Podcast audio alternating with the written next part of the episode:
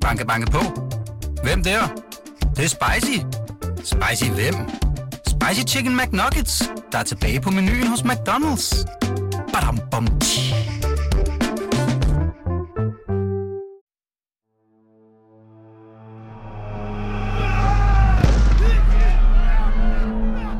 Et slagsmål er brudt ud i gaderne i Firenze. Flere albanske mænd er kommet op og slås. De har alle forbindelse til prostitutionsmarkedet, og det er den forretning, der har fået mændene til at gå i kød på hinanden den her dag i april 2014. Politiet anholder de albanske mænd og renser derefter en bolig, hvor de finder en BlackBerry-telefon. Det er der som sådan ikke noget usædvanligt i, men politiet finder også ud af, at telefonen indeholder 10 pinkoder til andre SIM-kort, og at telefonen bliver brugt til at sende krypterede beskeder. Da politiet undersøger SIM-kortene, viser det sig, at det kun er det ene SIM-kort, som er aktivt. Den italienske domstol pålægger BlackBerry at give myndighederne adgang til de krypterede beskeder, som bliver sendt til og fra det aktive SIM-kort. Det, der startede som gadeorden og et slagsmål mellem nogle mænd i en mindre prostitutionsring, viser sig at blive langt større. Mændene styrer nemlig også en stor narkoring, der smugler flere tons kokain gennem de hollandske havne. De næste to år aflytter og overvåger de italienske betjente flere og flere telefoner, og det står klart, at narkoringen bliver styret fra en mobiltelefon i Ecuador. Men de ved ikke, hvem der sidder i Ecuador og styrer albanerne rundt i Europa. Hvem er manden i toppen af narkoringen? Men en dag begynder der at komme små ledetråde i chatbeskederne. Jeg skal ud på min gårdtur, og senere tækker en besked ind, hvor der står, jeg bliver nødt til at skjule min telefon. Hovedbagmanden nævnte til sidst en dom, og der falder brækkerne på plads for de italienske efterforskere. Hovedbagmanden sidder i fængslet i Ecuador og burde slet ikke have adgang til en telefon. Men det Batrama, der i fængslet, at han handler med kokain og styrer et af de største europæiske narkokarteller. Compagnia Bello.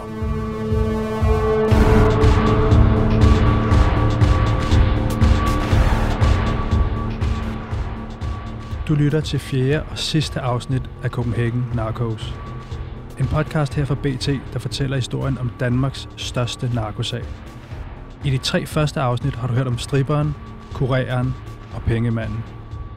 Men en person har været gennemgående i de fortællinger. Den skaldede. Ham som er hovedmanden i den sag, politiet har døbt Operation Goldfinger. Men i den kriminelle underverden er der altid en større fisk.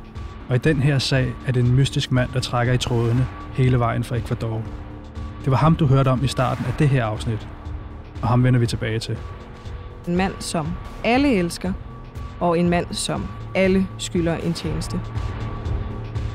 Mit navn er Dan Bjergård, og jeg er redaktør på BT's kriminalredaktion. Vi starter fortællingen, da den skaldede første gang sætter fødderne på dansk jord. Men and women weep. Mothers fear for their newborns. I slutningen af 90'erne driver den brutale krig i Kosovo tusindvis af mennesker på flugt. And many are afraid the real aim is to wipe their culture out of Kosovo. Det er også derfor, at en dengang 26-årig mand den 21. januar 1999 sætter fødderne på dansk grund. Eller det siger han i hvert fald, da han under falsk identitet søger asyl med sin bror. Manden lever til synligheden et beskeden familieliv i en villa på Amager. Men under overfladen er han den sky bagmand i Operation Goldfinger.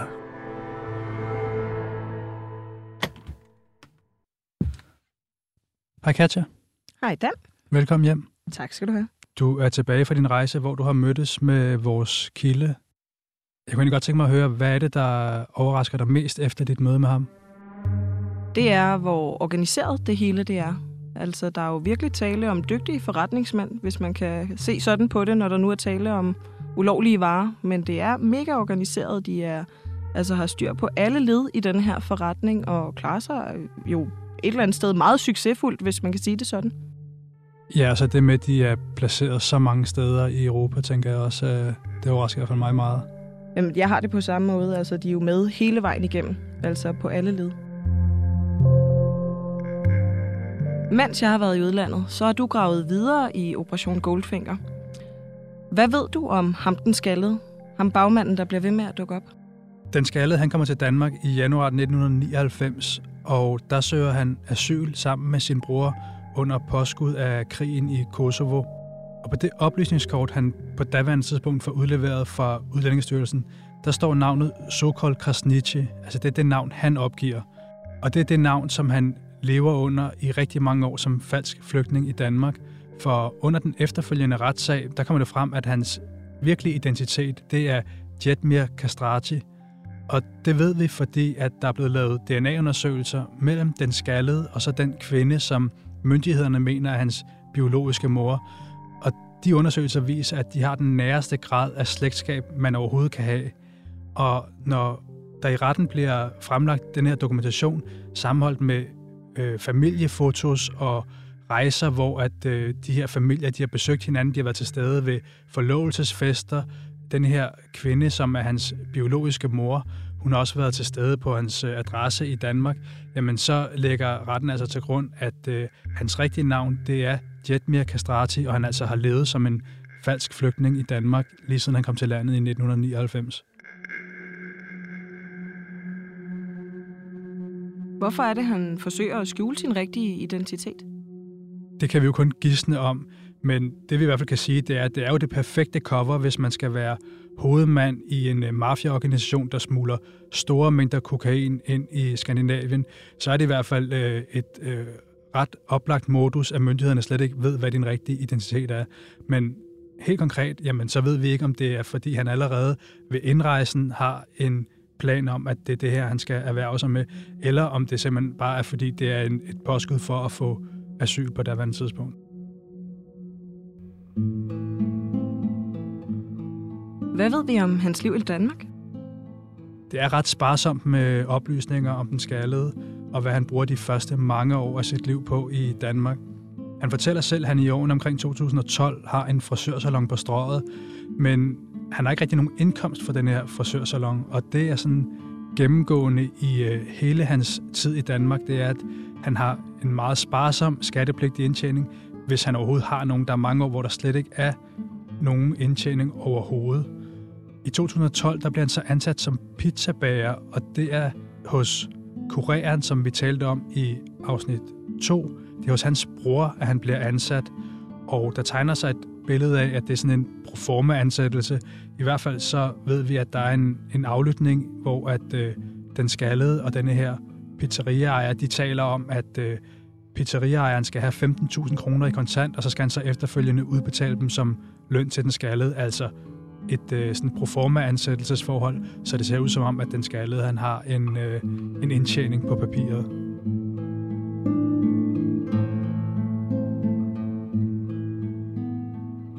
Lyder jo ikke særlig flashy eller som sådan en stereotyp klassisk øh, narkobagmand. Nej, han lever et, øh, et meget stilfærdigt liv, og er jo ikke sådan en, der flasher om sig med, med store pengebeløb, som man ellers skulle tro, hvis man er hovedmand i sådan en stor narkoorganisation. Man kan sige, at han efterlever hele det her kodex om, at øh, man ikke skal føre sig frem, og man ikke skal vise sine penge. Vi ved fra, hvad der er kommet frem i retten, at han blandt andet ikke parkerer sin store BMW i indkørslen til huset. Den parkerer han et andet sted, og så er det i stedet konens bil, der holder i indkørslen.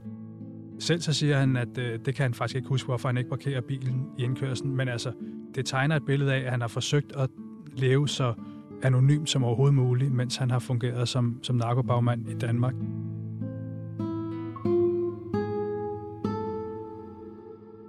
Men på trods af det her øh, meget anonyme liv, så har han alligevel et forbrug, der ikke står helt mål med denne her meget sparsomme indkomst fra et pizzeria. Vi ved, at han blandt andet øh, på et tidspunkt bruger 80.000 kroner i kontant i Elgiganten, og har andre store kontantudlæg, som han ikke kan gøre rede for, hvorfor han reelt set har. Han siger på et tidspunkt, at øh, hans store indkøb i Elgiganten, det er fordi, han køber det for en masse andre albanere, som skal have sendt ting hjem til Albanien, og så er det altså ham, der står for det. Den skaldede, han bor i et villakvarter på Amager, og det er langt fra nogen strandvejsvilla, men uanset hvordan vi vender og drejer det, så koster det penge at have et hus på Amager. Så på mange måder lever han et øh, anonymt liv udad til, lyder det som om. Men hvornår kommer politiet så på sporet af ham? Dansk politi begynder at interessere sig for den skaldede i 2012. Her begynder de at lytte med på hans telefonsamtaler i forbindelse med en narkoefterforskning. Og allerede på det tidspunkt er der altså nogle ting, der indikerer, at han skulle have noget med narkokriminalitet at gøre. Og øh, på et tidspunkt så har han en samtale med sin ekskæreste, som politiet opsnapper. Og der kan man høre, at som det faktisk ofte er i det kriminelle miljø, så er det tæt på, at det er kæresten eller konen, der får ham i fedtefadet, fordi hun taler meget eksplicit om, hvad han laver. Altså, hun siger, at øh, hun håber så meget, at politiet kommer op til ham. Øh, hun siger faktisk direkte, jeg håber, at politiet kommer op til dig, din fucking lille svans. Jeg gider ikke din narkosmugling, mens jeg sidder i din bil. Altså, der siger hun jo øh, sort på hvidt, at det er det, han laver. Øh, og så brokker hun så også over, at hun skal sidde og vente, mens en anden person tæller den skalledes penge. Hvorfor at politiet ikke går videre med det her, det har vi også en, øh, en lille indikation på, for det kommer frem i retten, at det faktisk er på grund af ressourcemangel, at politiet de vælger at lægge denne her sag ned. Det ved vi, men det ved den skaldede faktisk også, fordi det er sådan, så når man bliver aflyttet af politiet, så medmindre der er et eller andet helt særligt, der taler imod det, så skal man efterfølgende underrettes om det, hvis ikke der kommer en sag ud af det. Så politiet sender faktisk en skrivelse til den skaldede om, at hans telefon har været aflyttet i forbindelse med mistanke om straffelovens paragraf 191, altså den her grove narkoparagraf. Det får han så et brev om, og han siger selv nede i retten, at det tog han faktisk meget roligt, og han har aldrig klaget eller søgt erstatning, fordi han vidste jo godt, at han ikke havde gjort noget. Så, øh, så allerede dengang, jamen der ved han, at politiet de kigger på ham. Han ender jo igen på et senere tidspunkt i politiets søgelys for narkokriminalitet. Kan du sætte nogle ord på, hvor tæt han er på det hele, altså selve kokainen? Ja, ligesom med meget andet i den her sag, så har den skaldet en finger med i spillet i alle led i organisationen. På et tidspunkt så tager han faktisk selv til Holland og Belgien for at bistå indsmugling af et større parti kokain. Det gør han, fordi han bliver sur og irriteret over, at der ikke er andre, der kan tage afsted, og så siger han, jamen så tager han selv på vejene. Og han er også irriteret over, at de ikke kan finde ud af at pakke bilerne ordentligt, altså de her specielt indrettede rum i bilerne, de kan have en vis mængde kokain, og der er nogle af dem, der ikke kan have den mængde, som den skaldede mener, der kan være i dem. Og det er altså også noget, han så selv øh, hjælper med at pakke de her biler, eller i hvert fald forklare, hvordan det skal gøres rigtigt. Og så ved vi også, at politiet under deres efterforskning bliver opmærksom på et hus i Herlev, som fungerer som en kokaincentral fra den albanske mafia. Der finder de altså køkkenredskaber til at blande kokain. De finder 30 kilo fyldstof, en kokainpresser. Man får sådan indtryk, når man læser den her liste over, hvad politiet har fundet derinde, at det har været sådan helt intermistisk laboratorium, hvor at det her kokain det er blevet blandet op med fyldstof, så det altså bliver en større samlet mængde og fordelt i poser til, til videre salg på gaden. Og det er også her, at de bliver rullet ind i de her strømper, som de efterfølgende bliver leveret videre i. Og det ved vi faktisk også, hvorfor at det er strømper, de bruger på en telefonaflytning. Der ved vi, at kureren han taler med en mand om de her sokker, og det siger han, jamen det er fordi, man ikke afsætter fingeraftryk på dem, og det er altså derfor, det er deres modus at pakke dem ind i de her ting. Så gør politiet også et andet opsigtsvækkende fund under en af de her hemmelige rensagninger. I en rygsæk i huset, der finder politiet tre pistoler og to funktionsdygtige håndgranater. Vi ved ikke, hvem der ejer huset, men da politiet de undersøger det nærmere, jamen, så viser det sig, at den mand, der står på lejekontrakten, du har næsten gættet det, det er den skaldede.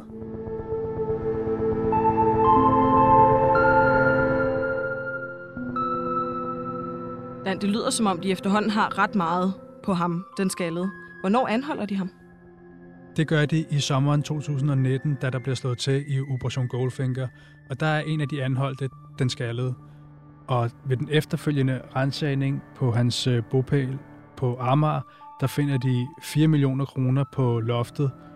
Der er blandt andet gemt 2,5 millioner kroner i en plastikpose under noget rockwool. Og så finder politiet også en skarplat pistol og seks mobiltelefoner. Det er formentlig fra dem, han har haft krypteret kommunikation med resten af netværket under det her alias, som er VIP og VIPI.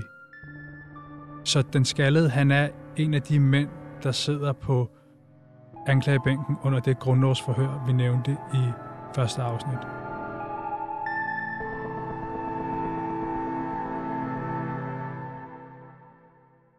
Selve retssagen, hvad, hvad handler den konkret om? Da sagen er færdig efterforsket og ender i retten, der bliver det endnu en gang tydeligt, at det her det er en usædvanlig sag efter danske forhold. De fængslede bliver alle sammen transporteret til retten med fuld udrykning, altså det vil sige politiet, der kører med de her fanger, de gør ikke nogen stop undervejs, altså man kører direkte over for rødt. Det er formentlig noget, man gør, fordi man vurderer, at der kan være en risiko for, at de vil kunne blive forsøgt befriet. Det er måske ikke taget helt ud af den blå luft, for vi ved blandt andet fra Norge, der har været eksempler på albanske narkokriminelle, der er blevet befriet eller stukket af. Det her det er en øh, højrisikosag. Det samme billede tegner sig inde i retten, hvor der både er skarp bevogtning inde i selve retslokalet, men også ude foran retten. Det, man simpelthen er bange for, det er, at der kommer nogen udefra og vil befri de tiltalte, der sidder herinde. Det er derfor, der er så mange politifolk herinde. Det er ikke noget, politiet gør for sjov.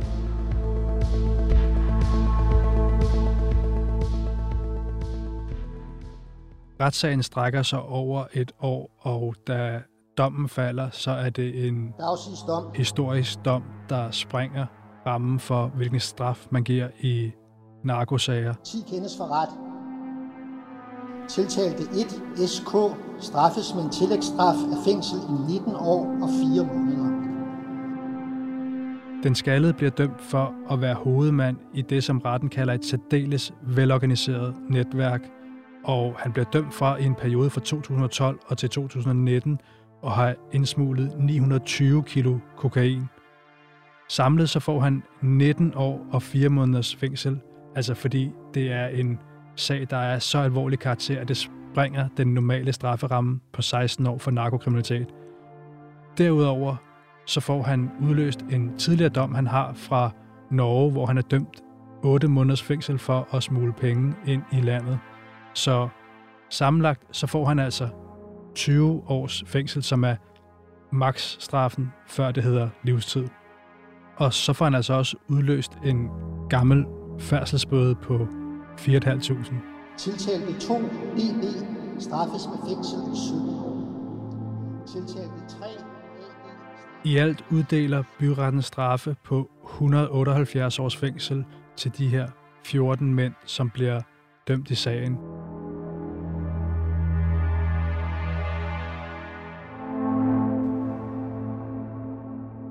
Retten kalder den skaldede hovedmanden, men i den kriminelle underverden er det sådan, at der altid er en over dig. Vores research her på BT viser, at der er meget tætte bånd mellem netværket i Operation Goldfinger og den mand, der sidder på toppen i et af Europas mest aktive kokainnetværk. Det tyder på, at det er ham, der er den helt store narkobaron. Hans navn er Dritan Rajabi. Katja, jeg ved, at det navn det er ikke fremmed for vores hemmelige kilde. Hvad siger han om Rajabi? Kilden kender udmærket Rajabi, og det gør enhver albaner faktisk, hvis man spørger kilden. Der er jo tale om en mand med en årlang kriminel karriere, og det er en karriere, der ikke kun begrænser sig til narkohandel. Det er også en karriere, der omfatter øh, ja, formodet røverier, og øh, det handler også om drab og drabsforsøg. Der er simpelthen tale om en ja, professionel kriminel, kan man jo nærmest kalde ham. Og som kilden beskriver det, jamen så er der tale om en mand, som alle elsker, og en mand, som alle skylder en tjeneste. Altså, han styrer hele forretningen, og det betyder jo også, at hvis folk ikke indretter sig og gør, som han gerne vil have i den her forretning, jamen så har det konsekvenser. Og det skal han nok, selvom han sidder i fængsel selv, sørge for, at det får. Rajibi trækker i mange tråde hele vejen fra Ecuador, og han er desuden også mistænkt for et drab på en møbelhandler i Albanien. Hvorfor er der en møbelhandler i Albanien, der er blevet slået ihjel? Ja, altså det handler simpelthen om hans øh, familiære relationer.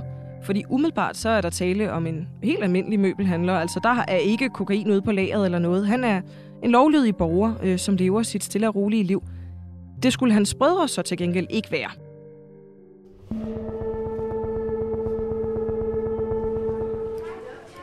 Møbelhandleren sidder med sin kæreste på en café i forstaden Kames, tæt ved den albanske hovedstad Tirana.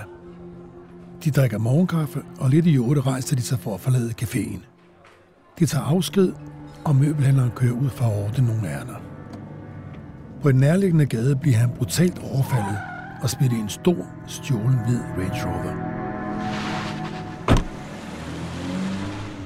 En måned tidligere, tværs over Europa, mange kilometer fra Albanien, ankommer en container i den sydengelske havneby Portsmouth. Containerne er fra Ecuador, og ifølge tolvpapirerne indeholder den bananer. Men udover en masse bananer, så er der også gemt 260 kilo kokain. Der er hyret tre mænd til at tage stofferne fra containeren og overlevere dem til en albansk gruppering i Storbritannien.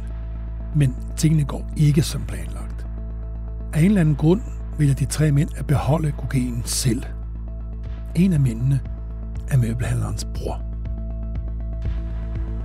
Møbelhandlerens familie bor i England, og det er kommet hovedbagmandens næse forbi, at der mangler over et kvart ton kokain, som mændene ikke har afleveret videre. I tiden op til kidnapningen kontakter hovedbagmanden familien og siger til et familiemedlem, du skal ikke lege med de her ting. Det er vores. Men familien leverer ikke kokain tilbage. De er også allerede begyndt at sælge af det. Men da de finder ud af, at deres uskyldige bror er blevet kidnappet i Albanien, kommer de på andre tanker og leverer en del af kokainen og pengene fra salget tilbage. Men det er for sent. Den hvide Range Rover er blevet kørt til en parkeringskælder under et luksusresort ud til det smukke Adriaterhav. På et tidspunkt bliver en stor, tung plastiksæk båret fra den hvide Range Rover over til en varevogn. Og møbelsnikkeren er ikke blevet set siden.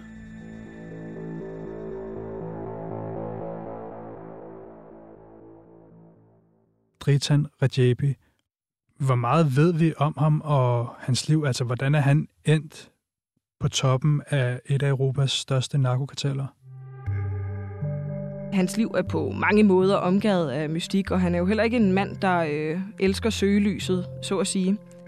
Vi ved så meget som, at han er født i 1980, og på det her tidspunkt, øh, der er, har kommunismen jo sit tag om Albanien. Det er en meget konfliktfyldt periode, og det er det faktisk også øh, efter kommunismens fald. Vi ved ikke, hvornår eller hvad det er, der er konkret for ham til at indlede den her kriminelle karriere, men vi ved, at han starter et helt andet sted end i narkoens verden. Fordi han starter faktisk med at ende i politiets søgelys på baggrund af et legemord. Og det er et øh, legemord, der bliver begået i 1999 i en øh, lille albansk landsby. Der er et øh, stort skyderi inde på en bar. Og i den forbindelse så mister en politibetjent livet, og det samme gør en civil. Så det er altså en kun 19-årig Dritan Rajebi, som er mistænkt for det her drab på en politibetjent, og så en øh, tilfældig mand i en bar. Han bliver aldrig øh, sat for retten i den her sag. Hvordan kan det være? Jamen det handler simpelthen om, at man ikke kan finde ham. Og det er som sådan ikke, fordi sagen ikke kommer for retten, fordi det gør den. Og han bliver sådan set også kendt skyldig, men han bliver dømt i det, vi kalder en absentia, hvilket betyder, at han ikke selv var til stede.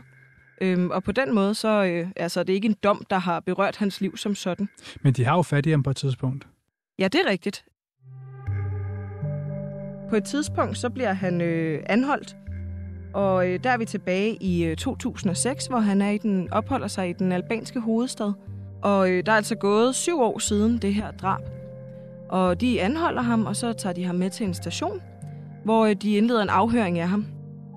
Og øh, på et tidspunkt under den her afhøring, der holder man en pause. Og betjentene forlader lokalet, og tilbage så sidder øh, vores hovedmand her. Og det han gør, det er simpelthen at lirke låsen til lokalet op. Og så går han ud på gangen, hvor han faktisk støder på en politibetjent. Men politibetjenten er ikke helt sat ind i sagen, og øh, vores bagmand her, jamen han siger, jamen de er færdige med mig, kan du lige lukke mig ud? Og så forlader han ellers øh, stationen som en fri mand og forsvinder igen. Det er så første gang, at Dritan Recepi han lykkes med at flygte fra myndighederne i Europa, men det bliver langt fra den sidste. Han er jo kendt for at have flere vellykkede flugtforsøg end El Chapo, altså lederen af det her Sinaloa-kartel. Prøv at fortælle, hvad er han ellers kendt for at have undsluppet? Det er ikke en overdrivelse at kalde ham en ganske vellykket flugtkonge, fordi det er noget, han har gjort et utal af gange. Går vi tilbage til 2008, der bliver han anholdt i Holland, som udleverer ham til Italien, hvor han er eftersøgt i en sag, som handler om kokainsmugling og drabsforsøg. Den her sag, den ender faktisk også for retten, og han ender med at få en dom. Og der er tale om 14 års fængsel, som så skal afsones i ja, et italiensk fængsel. Og her sidder han også i et par år frem til år 2011. Men så gør han det, og det lyder som noget taget ud af en dårlig film, men det der sker, det er simpelthen, at han får sævet trammerne til sin øh, celle op, eller i stykker, og øh, så flygter han ud af vinduet til cellen øh, ved at ja, hejse sig selv ned med sammenbundne laner, og øh, sammen med to andre indsatte, jamen, så forlader de fængslets grund, og uden for fængslet, der støder de på en kvindelig bilist, som de beordrer ja, ud af bilen, og så, øh, så kører de ellers derfra som frie mænd.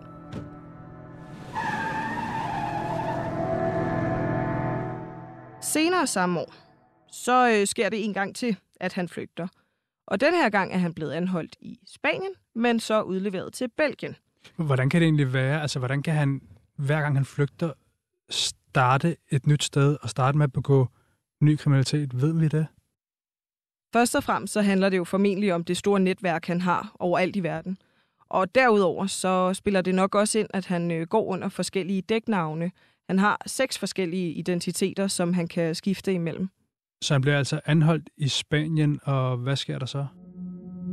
Efter han er flygtet fra ja, det italienske fængsel, så bliver han så snuppet i Spanien, som du rigtig nok siger. Men det er ikke engang dem, der er så interesseret i ham. Det er øh, politiet i Belgien, som så får ham udleveret.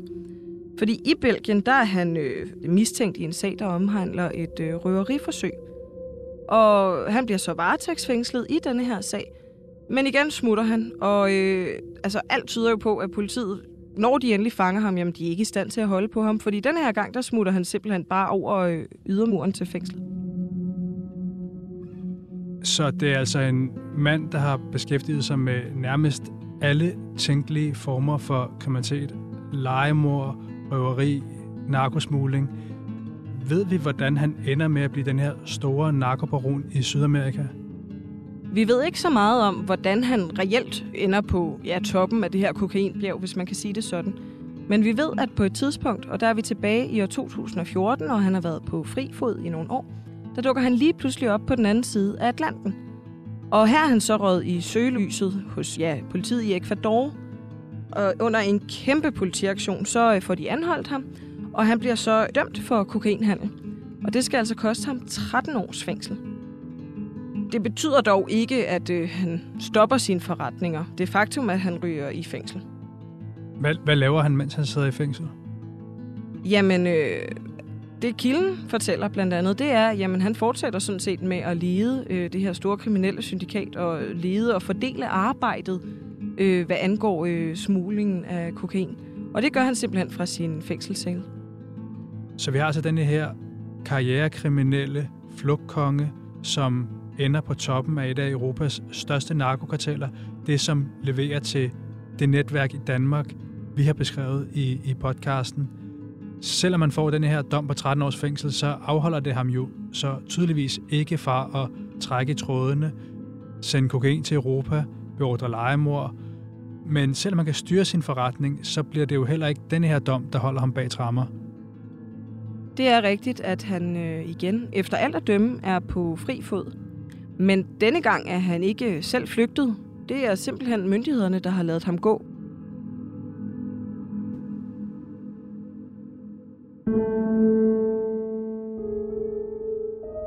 Hovedbagmanden Rejepi er mistænkt for at beordre kidnapninger, mor, smugling og flugtforsøg, mens han har siddet fængslet i Ecuador. Egentlig stod han først til at komme ud i 2027, men sådan skulle det ikke gå. For endnu en gang er det lykkedes narkobossen at komme på fri fod. Rajepi anmoder nemlig om at afsone resten af sin straf i husarrest. Han siger, at han lider af en kronisk gigtsygdom, og derfor har behov for behandling. På grund af sygdommen mener han ikke, at han kan afzone med en fodlænke, fordi det simpelthen er for ubehageligt. Det går myndighederne med til. I november 2021 bliver Rajepi løsladt på de betingelser, at han skal være i husarrest i en villa i et overklassekvarter og hver anden uge melde sig hos myndighederne. Det gjorde han sidste gang i februar 2022, og siden har man hverken set eller hørt fra Recep.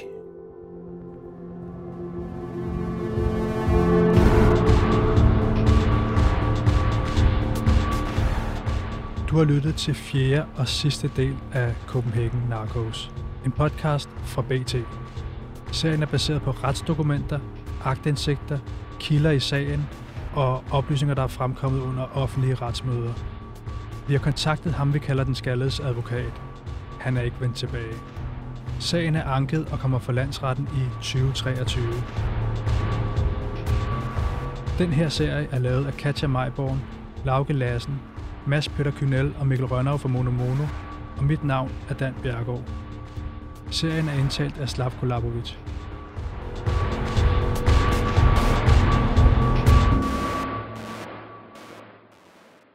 Hvad så? Er vi færdige? Hvad er det?